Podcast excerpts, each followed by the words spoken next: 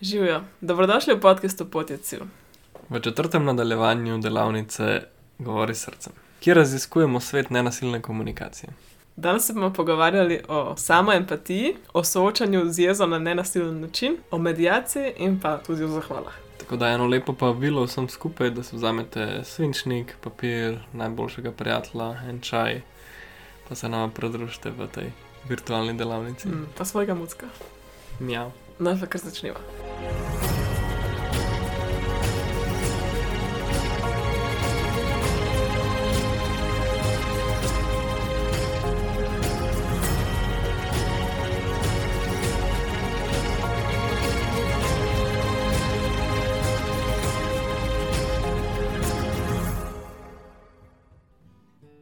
Začetek bi mogoče samo polovil, kaj smo se zanj naučili. Tako da gremo počasi spet čez vse, kar je ključno in dejansko pomembno, da bomo lahko pa skupaj nadaljevali v te nove nivoje nenasilne komunikacije. Ja, vsi linki prejšnjih delov so na voljo v opisu, tako da če ste zamudili kakšnega ali pa če ne veste točno o čem govorimo, pa bi radi bolj podrobno vse slišali, imate v spodaj vse prve tri dele. Ja, danes pa nadaljujemo v tem, kjer smo ostali. Sprav odpiramo vrata tega velikega poglavja, ki je poslušanje, ko drugi govorijo nekaj, kar ni nenasilna komunikacija, in pa potem preko poslušanja za, potrebe, za potrebami, vzadej za besedami, ustvarjanje tega človeškega. Človeške povezave, srce, srce, ki si jo želimo ustvariti. V drugem delu te delavnice smo se skupaj pogledali tudi eno tehniko nenasilne komunikacije, s pomočjo katere je v bistvu mnogo lažje se soočati s kakršno koli situacijo, zraven tega pa v bistvu nam tudi omogoča, da so naše potrebe, da ima naše potrebe večjo možnost, da so zadoščene na koncu. In bom, bom samo hitro ponovila to tehniko, da se vsi spomnimo. Ta tehnika je, je v bistvu ena zgodbica, ki jo bomo sestavili, zgodbica, kratka en stavek, recimo, ki jo sestavimo iz štirih delov. To so uh, opazovanje, opažanje, se pravi, kaj se je dejansko zgodilo, potem čustva, kako sem se potem počutil, počutila, potrebe, katera potreba moja ni bila zadoščena, in na koncu še prošnja. Kaj si v bistvu želim, da bi bilo drugače, katero akcijo bi bilo treba izvesti, da se to spremeni. V tretjem delu smo pa to tehniko obrnili na glavo in sicer smo jo probali uporabljati na besedah, ki jih slišimo od drugih ljudi. Recimo, če nekoga prosimo, da nekaj naredi za nas, in na koncu odgovori ne, kaj to v resnici pomeni. In smo ugotovili, da ne pomeni samo potreba, ki ni zadoščena. In če se bomo zdaj osredotočili z našo pozornostjo in vsem, kar imamo v tem trenutku, na te potrebe, pa občutke našega sogovornika, sogovorca, bomo v resnici lahko prišli do prave rešitve. Namreč naslovili bomo potrebo, ki pa je osnova vseh naših dejanj. Vse delamo zaradi tega, ker imamo neke potrebe, neke vrednote in želimo tem potrebam zadoščati, in če ne zadostimo, potem to tudi pokažemo preko občutkov, preko naših obnašanj. Mm. Zdaj, kar se tiče tega, no, uh, mislim, da smo ene stvari že omenjali, ampak bomo samo ideje nadgradili in ponovili, s tem, da povemo naslednje ideje. Spravi, prva je to, da ko, ko se spustimo na nivo potreb. Naredimo sebi eno veliko uslugo, in ljudi ne vidimo več kot pošasti, kot nekoga, ki je grozen, ki je nevaren, karkoli že mi ustvarjamo v glavi, ampak vidimo samo človeka, človeka, ki nekaj potrebuje. To je tako velika usluga za nas, zato ker, ker v bistvu vse damo darilo te povezave človeške. To, to tudi, tudi mi imamo vsak preseb potrebo po človečnosti in po, po povezavi z ljudmi okrog nas in si s tem lahko zelo pomagamo. Prav isto vlogo igra tudi uh, empatiziranje z odgovorom ne to je prav ista ideja. Ne se pravi, če ti nekdo reče, empatiziraš in zaščitiš sebe pred tem, da bi reagiral na te besede. Ker mi se velikokrat mislimo, da smo center vesolja na način, da vse, kar se dogaja, je za nas ali pa proti nas. Nekdo nekaj dela, ker nas želi ran, zato ker nam želi nekaj narediti in se tudi na tak način izražamo. Kaj pa je v resnici veliko bolj pogosta situacija, je to, da vsak dela nekaj, kar misli, da bo zadostil njegovim potrebam ali pa njenim, in kot posledica ker smo malo ne naučeni se pogovarjati, komunicirati, po nesreči drugim ljudem storimo žalo. Tega nikoli nočemo, vsaj na srčnem nivoju, ampak se pa zgodi nekaj. In ko enkrat razumemo, da v resnici vsak dela samo najboljši in samo želi svojim potrebam zadoščati, potem tudi da malo mal te lahkotnosti v naše odnose, ker dejansko lahko razumeš. Veliko lažje je razumeti, da ljudje delajo stvari samo, ker jih delajo, ne zato, ker so proti tebi. ne. To je tako velik, se mi zdi, korak, ki zelo pomaga no, pri tem um, pretoku. Ja, kot je Kristjan že omenil, najpomembnejša stvar in naš cilj pri nenasilni komunikaciji je dejansko to, da ustvarimo človeško povezavo. Eno tako avtentično, srčno človeško povezavo. In tudi ta tehnika in vse to, kar mi tukaj govorimo, je v bistvu samo način in pomoč, kako mi to lahko najlažje dosežemo. Zdaj, tle, ko smo se skupaj že malo naučili o tem, da je ena stopnja, bi jaz sam še omenila, da včasih mi sicer želimo narediti človeško povezavo, pa delamo vse te stvari, delamo, uporabljamo tehniko, se trudimo, smo tam in tako naprej. In ne uspeva. In če ne uspeva, je lahko je v bistvu vredno pogled, kakšen je naš namen, s kakšnim namenom mi to delamo. Ker se z nas zgodi, da včasih to je podzavestno, ali pa kdo drug to dela manipulativno. Ali pa delamo z namenom, da bi dosegel svoj cilj, ne? kar je v bistvu tudi manipulativno. Tako da zelo pomembno je, zelo pomembno je, da smo vedno čisti v svojem namenu, da vedno želimo in smo tam res zato, ker hočemo narediti življenje lepše za nas in življenje lepše za ljudi okoli nas in s tem narediti lepši svet. In ja, to, to, to mora biti vedno naš namen. Če to ni naš namen, moramo najprej v bistvu sami pri sebi prečistiti, kaj se dogaja. Ker mogoče res nenasilna komunikacija deluje nekaj časa, če, del, če jo uporabiš kot manipulacijo, ampak prej bodo ljudje videli čez tebe. Ker to je nekaj zelo otipljivega. Se vidi, ko to delaš kot manipulacijo.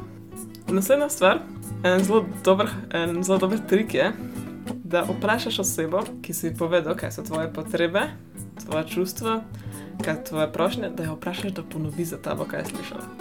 Ker, kako se to smešno sliši, mi veliko ne slišimo to, kar je bilo rečeno. Mi slišimo to, kar je bilo rečeno, zapakirano v škatlo napada, v škatlo kritike, v škatlo vem, obsojanja. In veliko se lahko zgodi, ne vem, da imamo samo še primer pogled, da lahko si razumemo, kaj govorim. Ali recimo, lahko se zgodi, da mi nekdo reče, uf, barva tvojih hlač mi pa ni preveč všeč. In pa sploh ni tako čuden, če ženska reagira nazaj kot, kaj, ja, hočeš reči, da sem debela. A pa kaj je tega, ne? A je kdo rekel, da je debel? Ne. No, tak, ta je zelo tak debil, mislim, ta je tak zelo, čisto drugo smer primer. Ampak včasih se zgodi, se zgodijo taki primeri, ki se zavijo čisto drugo smer, da ljudje sploh ne slišijo, kaj je bilo rečeno. Pomembno je vprašati ljudi, kaj so slišali. In če se izkaže, da oni niso slišali to, kar smo rekli, rečemo, ok, vidim, da se nisem dovolj jasno izrazil, izrazila.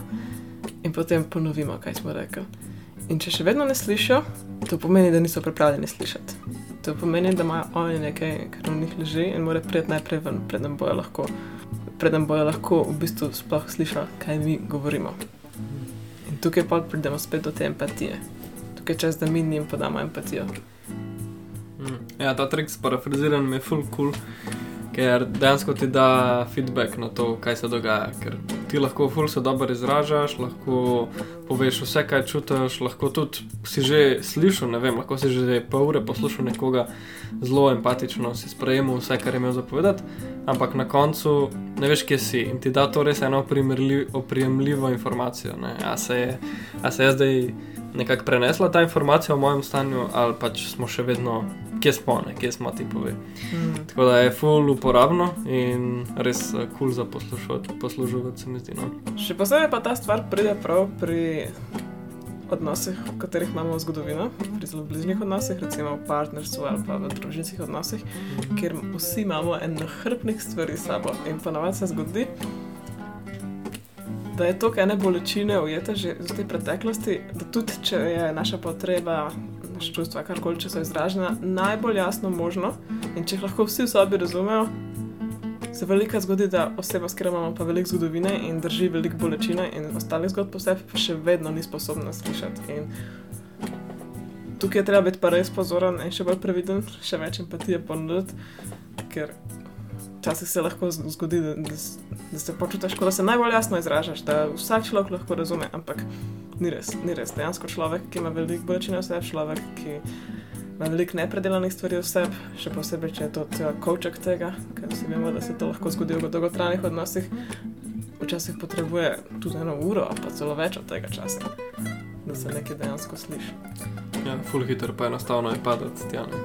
Cool. Zdaj, um, po drugi strani pa tudi to, ne, da, kot smo pa govorili zadnjič, spet, da pustimo ljudem, da, kon, da do konca povejo vse. Se pravi, da ne hitimo nikamor, ker to je, to je naša investicija, naš čas v naše odnose, v naše življenje in včasih pač traja. Včasih pač traja. Se pa zgodi, ne, da pač ko govorimo, ko človek pride v pač neko izražanje, ali pa sploh če je več ljudi upletenih, ali pa če, če smo mi zelo čustveno upleteni, da sežemo v svoj cekrček znanja in povlečemo ven prvo pomoč empatije in jo dajemo, komur pač rabi. In dejansko naša vloga, kot nekdo, ki se ukvarja z nenasilno komunikacijo, bomo rekli temu, je to, da poz, razpozna situacijo, kdaj nekdo nekaj rabi. In kaj to zahteva od nas, je, da smo samo zelo prisotni in to je to. Ko vidimo, da nekdo rabi empatijo, mu jo damo. Se pravi, če nekdo izrazi neko nestrinjanje, ne je zelo hiter, uh, jasen je pokazatelj, ampak lahko so tudi grimase, lahko so. Um, Fizični znaki, lahko je neprijetnost, lahko karkoli res. Lahko so grde besede nazaj, pa kritike, mm. obsojanja veliko dobimo nazaj, nekaj tako, ti si kriv, ti si to naredil. Mm. Pa negacije. Ja, pa... To, to vse so tudi samo znaki nezadoščenih potreb. Mm. Ja, in takrat lahko mi damo malo empatije tja, malo tja. Največji trik, mislim. Da, ko to delamo, to delamo tako, kot smo že rekli. Ugibamo, kaj so potrebe, kaj so občutki, pa kakšno je realno stanje v tem trenutku. Ne ukvarjamo se s preteklostjo, zgodbe nam pomagajo, niso pa del rešitve, ker mi imamo potrebe tukaj in zdaj in jih naslavljamo. Se pravi, a se počutiš tako, a rabiš to, a, a je tvoja potreba potem. To so nekakšne istočnice za to empatijo, ampak spet, nobenih pravil, ker vsaka situacija je svoja. Kjer se pa dejansko največ lahko naredi, kjer imamo največ moči in največ, rečemo, temu kontrole, pa je dejansko s svojim notranjim stanjem. Ja, temu rečemo v bistvu samo empatija. In skriva v bistvu zelo zanimive stvari. Če me vprašaš, dejansko gledamo in dejansko te v bistvu pripravi tega, da pogledaš in začneš aktivno ukvarjati s tem, kako govoriš sam s sabo in kako delaš sam s sabo. In velikrat je to zelo nasilno. Velikrat imamo sami sabo najbolj nasilno odnos do vseh, do vseh odnosov, ki jih imamo z ljudmi. In hakat tukaj pa je, če mi sami presep nismo zmožni empatizirati sami s sabo in nismo sami s sabo v miru, ne bomo zmožni empatizirati z nobenim okoljem. In zato treba začeti presep. Kar, kar, kar bo spucano pri nas, če bomo lahko empatizirali s sabo, bomo lahko to delali zunaj. Hmm. Ta, ta korak je doskrat težek. Zakaj? Zato, ker smo mi upleteni v to. Mi smo upleteni v naše čustveno stanje, v pač vse.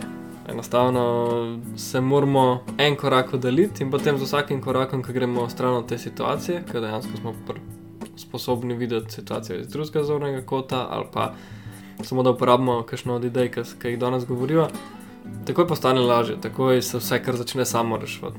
In spet, v teoriji je simpel, pa kaj enkrat se malo navadiš to delati, gre brez problema. Na začetku valjda čuden in ne navadno, ker noben nas ne nauči tega. In dejansko nikoli nismo v konfliktu naučeni iskati rešitve ali pa uteho v sebi. Zato, ker nismo, ker nismo naučeni, kako sebi dati uteho, kako pri sebi najti rešitev. In malo je škoda, ampak hvala Bogu, lahko zdaj kle se o tem pogovarjamo. Zdaj, tukaj bo ena par konceptov omenila, no. govoriva bolj o teoretičnih stvarih, ampak praksa je pa pač samo to, da delaš, da vsakič sproti vidiš, da se sprošiš, recimo isti odziv ali pa. Um, ne, ne, Moče se neko vzorec zelo ponavlja, pa lahko potem s tem zavedanjem uskočiš noter, pa presekaš cikl, vsaj do neke mere, pa ga malo drugače zavrtiš. Um, in zdaj prva od stvari je, recimo, kako si mi govorimo, da moramo nekaj, moram to, moram uno, moram tretje. In ta moram je zelo nevaren koncept, ker v resnici nam da stran možnost izbire. Takrat, ko rečemo moram, mi v resnici govorimo, nimam druge izbire. In v imenu tega moram delamo velikrat stvari, s katerimi se niti ne strinjamo, ne, ne naslavljajo naših potreb, to itak, ne se hitro zgodi. Ampak so nasploh za nas za našo srečo destruktivne. Zdaj, kaj se zgodi, ne, ko rečeš ti, da moraš, je pa še ena zanimiva stvar. In sicer o tem smo govorili v drugem delu že, da kot ljudje res ne maramo zahtev, ne maramo ukazov, ker odzivi na ukaz so bodi si, da ga izvršiš iz nekega strahu pred kaznjo, ali pa se upreš. Ampak, a vidimo, da so obe, obe možnosti slabi, obe možnosti nam ne data miru pa sreče ne, na koncu. Mi imamo eno veliko potrebo po tej avtonomiji in zdaj, če slišimo mi od kjerkoli en ukaz, se bomo, bomo v nas čutili nek odpor. Če tudi ta ukaz prihaja od nas samih. In to se mi zdi že en tak dovolj razlog, da nehamo govoriti, moram, moram. Veliko krat v bistvu tudi govorimo sami sabo z ogromnim obsojenjem, z ogromnim kritike, z besedami, ki sami nam povzročajo veliko bolečine, strahu, sramu in tako naprej. In posledica tega je, da če mi dejansko zaradi stvari, ki jih sami sebi govorimo, spremenimo naše obnašanje, zaradi slabih stvari, ki so slabih, zaradi stvari, ki nam povzročajo negativne čustva, če zaradi tega mi spremenimo naše obnašanje, v bistvu promoviramo sami v sebi učenje iz sovraštva samega do sebe. Hmm. Ker z, s kritiziranjem, z obsojanjem, z, s sramovanjem same sebe povzročamo to, da spremenimo način na, nekaj, na, način, na kar nekaj delamo in rastemo v neko smer. In naš cilj, naš cilj je v bistvu to, da mi spremenimo to našo motivacijo za našo rast in spremembe. Da ta motivacija ne izhaja več iz sovraštva samega do sebe, ampak iz ljubezni, iz empatije.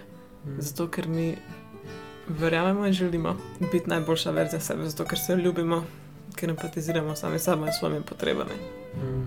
Okay. Zdaj, pomembna stvar je tukaj, da se zavedamo, da vse, kar delamo v življenju, je zato, ker zadoščujemo potrebam in našim vrednotam, nekako grejo z roko v roki. In to lahko brez problema delamo na vseh naših dejanjih. Se pravi, sami sebe lahko gledamo kot nekoga, ki nekaj počne, zato ker rabi zadovoljiti svoje potrebe. Ja, če lahko samo tukaj še dodam. Točno to je, ne? ko mi sebe obsojamo, kritiziramo in sramujemo in karkoli že delamo, je to vedno zato, ker je naša potreba ni zadoščena. Ne delamo mi to zato, ker dejansko sovražimo sebe. Delamo to zato, ker naše potrebe niso zadoščene, ampak mi tega ne vemo. Mi tega nismo sposobni videti. In zato se to kaže, to kot se kaže. Ja, to je ful dober trik, ne dejansko za vsako stvar, dobro ali pa slabo, pač v tvoji percepciji, ki jo delaš v življenju, se lahko vprašaš, kateri potrebi zadoščuje. In če ti ta stvar, ta navada ali pa karkoli že je, ni všeč, jo lahko spremeniš ali pa zamenjaš z nekim početjem, ki pa bo dejansko zadostilo tej potrebi. Ali pa bo hkrati dobro za tvoje zdravje in zadostilo potrebi, ali pa hkrati dobro za ljudi okrog tebe in zadostilo tej potrebi. Nasploh se vedno, kadar začnemo naslavljati potrebe, je to najmočnejše urodje, kar ga imamo, zato ker iz tam prihaja naša sreča in naše veselje in potem to lahko širimo. In še večja fora je pa to, ne, da mi doskrat ne vemo, da zadoščujemo potrebam in se stvari lotimo malo tako podzavestno. Ne, nekako sam imamo občutek, da bo to delovalo, da nam bo to prineslo srečo ali pa karkoli še iščemo. In je zelo pomembno, da smo nekako empatični, v angleščini še malo bolj compassionate, do obeh nas. Se pravi, do tega jaza znotraj nas, ki želi zadostiti potrebi, pa tega jaza, ki zdaj opazuje to naše dejanje. Ne? Oba rabita empatijo. Nih- Nočemo pustiti, da bi kjerkoli od teh dveh jazov drugega obsojal ali pa drugega krivil, ker to je dialog znotraj nas je zelo intenziven, pogosto. Ne? Heptički. Tako da res ena taka, um, tako povabilo, empatijo dajati v vse dele osebnosti nas, ki so upletene v naše dejanje. Ne? Mm. Točno to je. Še posebej pa empatijo pomembno dajati sami sebi takrat, ko mi čutimo intenzivna čustva v nekem dogajanju. A je to dogajanje sami s sabo, a je to dogajanje z drugimi ljudmi. In recimo, ko pridemo v konflikt, velikokrat se nam zgodi, da imamo mi tako intenzivna čustva, da bi radi kar vse spluvali na drugo osebo praktično. In v tem trenutku je pomembno tudi, da se ustavimo in oddihnemo in damo najprej sami sebi empatijo. Pogledamo, kaj so naše potrebe, pogledamo, kaj so naše čustva, se povežemo s svojo potrebo. Kaj drugo, ko se povežeš s potrebo, potem si dotaknil bistva. Potem se povezal s svojim srcem in se boš tudi lahko to povezal z ljudmi, ki so okoli tebe. ker enkrat, ko je vse odprto, ni več nobenih blokad. In to nas v bistvu pripelje do naše naslednje teme, izražanja jeze. Izražanje jeze je ena tako zelo zanimiva stvar, ker jeza je konkretno močno čustvo in zelo hitro se ujamemo v njega. In, ja, in v situaciji, kjer, si, kjer smo mi popolnoma jezni, znati odreagirati nenasilno, sliši se kar ena velika umetnost. Ampak cel koncept tega sploh ni tako kompliciran, če ga pogledamo. Zdaj, Marshall trdi, da jeza je neko čustvo, ki ga mi čutimo, ko neka naša potreba ni zadoščena, ampak v trenutku, ko se mi znamo povezati s svojo potrebo in ko najdemo pravo potrebo, bo jeza zginila mi lahko še vedno čutimo zelo, zelo intenzivna čustva, kot so frustracija, iritacija, karkoli, ampak ne bo več jeza. In na ta način vemo, da smo našli svojo potrebo. Če še vedno čutimo jezo, potrebe nismo našli. Dejansko z, z jezo stopimo v en proces notranje alkimije in začnemo transformacijo iz te obsesije z stimulusom do tega, da zadostimo svoje potrebe in smo spet v, nekem, v neki harmoniji z življenjem. Zdaj, vzroki za našo jezo najpogosteje prihajajo iz naše glave. Tako, če si predstavljate, kdaj ste jezni, kaj takrat rečete? Nekdo je nekaj naredil, kar me je spravil v jezo. Um, nekdo je bil tak, kot je, nekdo je tak, kot je, odvisen, kakšen, odvisen do kere mere nasilnosti uporabljate svoj jezik. Ampak Vedno je nekaj zunanjega, kar nas sproži, potem se pa to po potencira, včasih celo do mere dejanske nasilnosti, z upeljavo obsojanj, takih in drugačnih. Ker mi rečemo, da pač, ja, nekaj se je zgodilo zato, ker je nekdo ne, neodgovoren ali pa nesramen ali pa nasilen ali karkoli že. Ampak kakorkoli na glas mi to izrazimo, vedno je spodaj ta, ta ideja obsojanja, ki se včasih prelevi v kritiko, včasih samo prevzame neka druga občutja, ampak ostane pa tam nespremenjena. In zdaj, če mi lahko zadostimo potrebi, ali pa če pogledamo čez. Obsojanja, vse to nam bo pomagalo, da ta jeza se lahko dejansko razblini. In je samo ena taka prelep pokazatelj, da smo imeli nekaj za narediti. Ja, tako kot si zdaj to rekel, ne? jeza je v bistvu darilo za nas darilo, da mi vidimo, da je neka potreba v nas, ki ni zadoščena. In nam da priložnost videti, kaj mi dejansko rabimo. Hkrati pa nam da priložnost tudi, da naredimo svet lepši. Ker nam da priložnost, da sami sebe in upletene odrešimo jeza in tega nasilja, ki ga jo jeza veliko krat prina, pri, prinaša, in s tem naredimo lepši svet. Ker čim mi znamo preseb prečistiti jezo, čim mi znamo preseb prečistiti to nasilje, v bistvu s tem naredimo eno osebo manj na tem svetu, ki dela slabo. Mm. Eno osebo manj, ki je nasilna. Klej zdaj en deliven tak citat, ki ga jaz prevajam, ampak se vse. Ideja je ista, no iz knjige o nenasilni komunikaciji, pravi Maršal Sredeče. Naučil sem se, da so mi všeč veliko bolj ljudje takrat, ko ne poslušam, kaj oni razmišljajo. Naučil sem se zajemati življenje z veliko večjo žlico, ko sem začel poslušati, kaj se dogaja v njihovih srceh in se nisem ukvarjal s stvarmi, ki se dogajajo v njihovih glavah. In to je točno to. Ne začnemo se preveč ukvarjati s tem, s kakšnimi nameni so delali ljudje stvari, kakšni so ti ljudje, karkoli že je. In da res ja, gledamo samo potrebe, ki so v naših srcih. In zdaj tukaj je nekako um, na štiri korake razdeljena, kako, kako jezo pretakati. Kar je seveda ne spet, morda v praksi malo drugače, čisto odvisno od situacije. Včasih je to ta jeza čisto na hitro, včasih je nekaj zelo globokega. Tako da spet, to so samo ideje, kako se lahko tega lotiš. In sicer prvi korak, ustavi se in dihaj. Jeza je tak, tako zelo čustvo, ki te odpele na to bogan in potem gre sam, sam gre.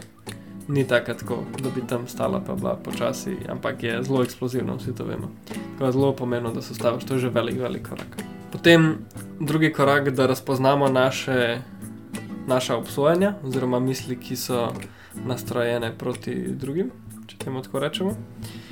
Potem v tretjem koraku se povežemo z našimi potrebami, kaj dejansko jaz potrebujem tukaj in zdaj, oziroma kje je potreba, ni zadoščena, da se jaz počutim tako jezno. In potem, da v četrtem koraku, da te naše potrebe dejansko izrazimo. Povemo, kako se počutimo in kaj potrebujemo. Ja, tukaj bi še dodala to, da med tem tretjim korakom, ko se dejansko povežemo s svojimi potrebami, in med četrtim korakom, ko jih povemo, je včasih treba dodati tudi empatijo, ali samo empatijo, ali pa empatijo do osebe, s katero smo v konfliktu. Mm. Ker veliko krat lahko vidimo, da oseba, s katero smo v konfliktu, Ali pa tudi mi sami imamo toliko enih ujetih čustev še vse, da noben ne bo pripravljen še slišati teh naših potreb in naših prošenj. Tako da ta empatija je res na vseh korakih zelo pomembna. No. Še posebej pri jezu to pride zelo prav. Prvo pri sebi, pa pa pri ostalih. Bi pa še to dodala, da ko si omenil to, ne, stop, prekorak, stop. To se mi zdi tako močno, ker se spet nanaša na tisto, ko smo se ko smo na začetku rekla, um, da jeza, da vzrok za jezo zelo velika, to v bistvu prihaja iz naše glave in iz tega, kar mi sami, sami sebi, no, iz naših misli, ne, tega, kar mi sami sebi govorimo v glavi. In veliko krat hočemo opravičiti, zakaj se počutimo jezne. Na način, da krivimo druge, da si sestavljamo zgodbe, kaj vse so drugi nam naredili, kaj vse so drugi naredili, sploh zato, da bi nas prizadeli, ki sploh ne vemo, če so resnične.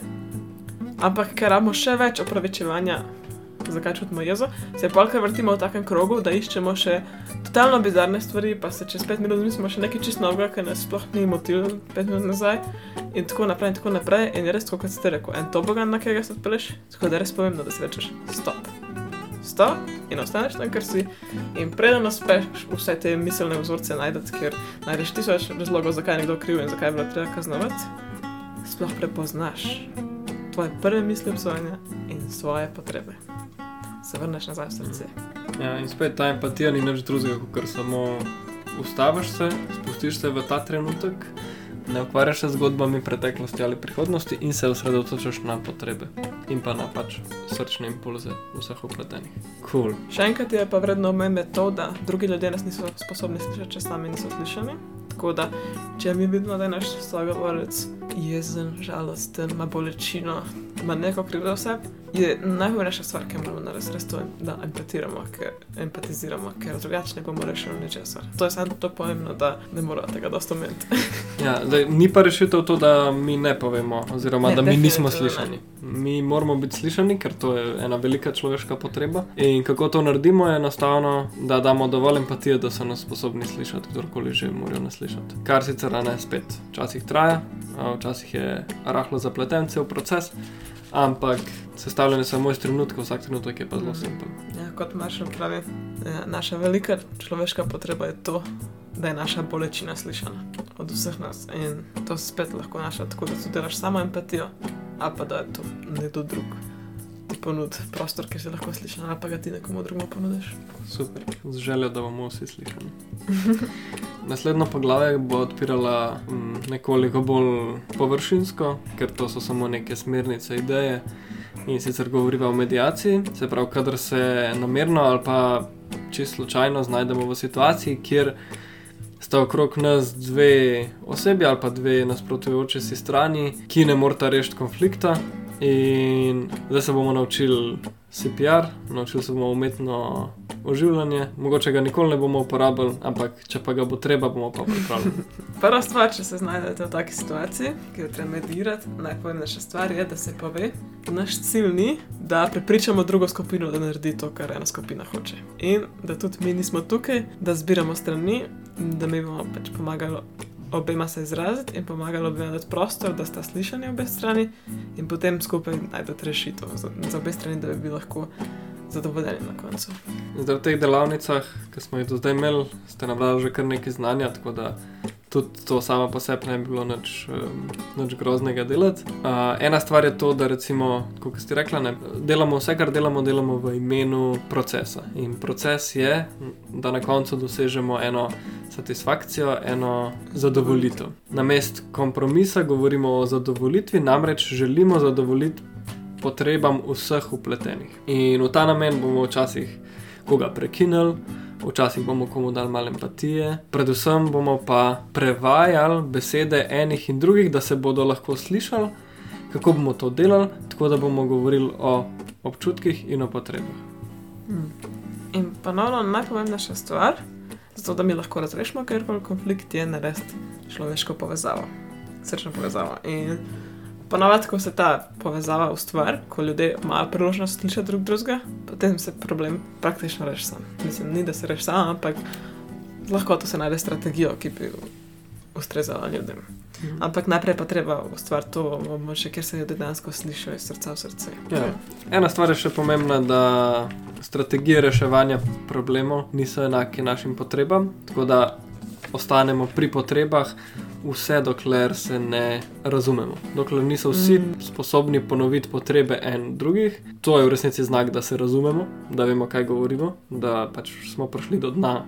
Problema, zdaj ga pa lahko rešimo in rešitev potem pride sama od sebe. Ampak v potrebah nikoli ni omenjen, kdo dela nekaj specifičnega. Prav, potrebe so zelo generalne in se ne nanašajo na osebe. Tako da, če misliš, da imaš v potrebi neko osebo, pa si mogoče malo stran. To je eno tako dobro vodilo. Tako da, Mm. tukaj bi bilo samo to zapovedati. Iščemo potrebe in se ne ustavljamo, dokler ne pridemo do dna vsem. Ja, in to potrebe obeh strani. Mhm. In zgodi se velikokrat, da potem, ko začneš z eno stranjo empatizirati in poglobljeno spraševati, kaj pa se pravzaprav dogaja pri njih, kaj so njihove potrebe, druga stran to dojame kot da prevzemaš stran njihovega nasprotnika. In lahko izrazijo to, ne? In je pomembno, da mi v tistem trenutku empatiziramo z njimi in jim damo to prvo pomoč, empatijo, vprašamo, aha, vidim, da vas to skrbi, a rabite zagotovilo, da boste tudi vi prišli na vrsto in da bo pravično eh, reševanje te, te, tega konflikta. In potem, ko jim damo to prvo empatijo, ko jih poslušamo, slišimo, jih lahko spet spomnimo, da nismo tukaj zato, da zbiramo stran, da smo tukaj samo, da pomagamo v bistvu se povezati ljudem in da pomagamo najti eno strategijo, ki bi zadostila vsem potrebam. In na koncu jih še vprašamo, če se počutijo, da jim je zagotovljeno, da bodo tudi oni prišli na vrsto, ali potrebujejo še več zagotovila. In to včasih tako gre, ne? včasih je malo težko, ker se veliko ljudje počutijo, mislijo, da so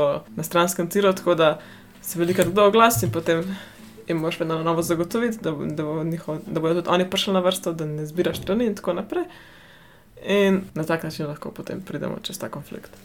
Ja, plus vse, kar smo do zdaj govorili, se pravi, da se Mhm. osredotočamo na, na sedanjost, v sedanjosti imamo potrebe, čeprav velikrat pridejo zgodbe iz preteklosti, a, Mhm. potem da govorimo o stvarih, ki jih želimo, ne, česa ne želimo. Pa še ena stvar je, no, da kot medijator mm, ne moreš pustiti, oziroma nočeš pustiti, da tvoje potrebe pridejo v Mhm. igro, če tudi so to neki bližnji odnosi. Pač.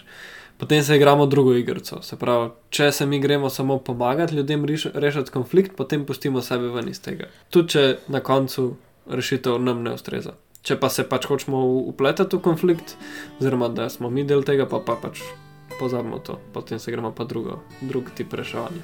Ena zelo dobra stvar je tudi, da v bistvu imaš papir ali pa neko tablo, kamor se napiše vse take globije ugotovitve, ne? kaj so potrebe, kaj so, mm. Kaj so občutki, kaj so strategije, zaradi tega, da obe strani lahko vse čas to vidita jasno pred sabo, da ne more biti potem neke zmede, kaj je vrčeno, kaj ni vrčeno, kaj smo.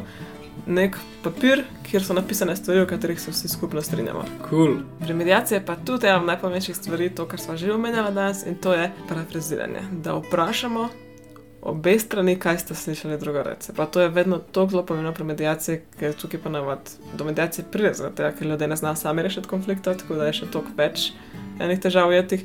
In tako drugačne so stvari, ki jih ljudje lahko slišijo, tako da je pomembno, res pomembno poskrbeti za to, da se vsi zavedamo, da smo slišali to, kar je bilo rečeno. In če nismo slišali, spet empatija in potem ponoviti, kar je bilo rečeno. Okay. Cool. Veliko sreče, če se znajdete v tej situaciji.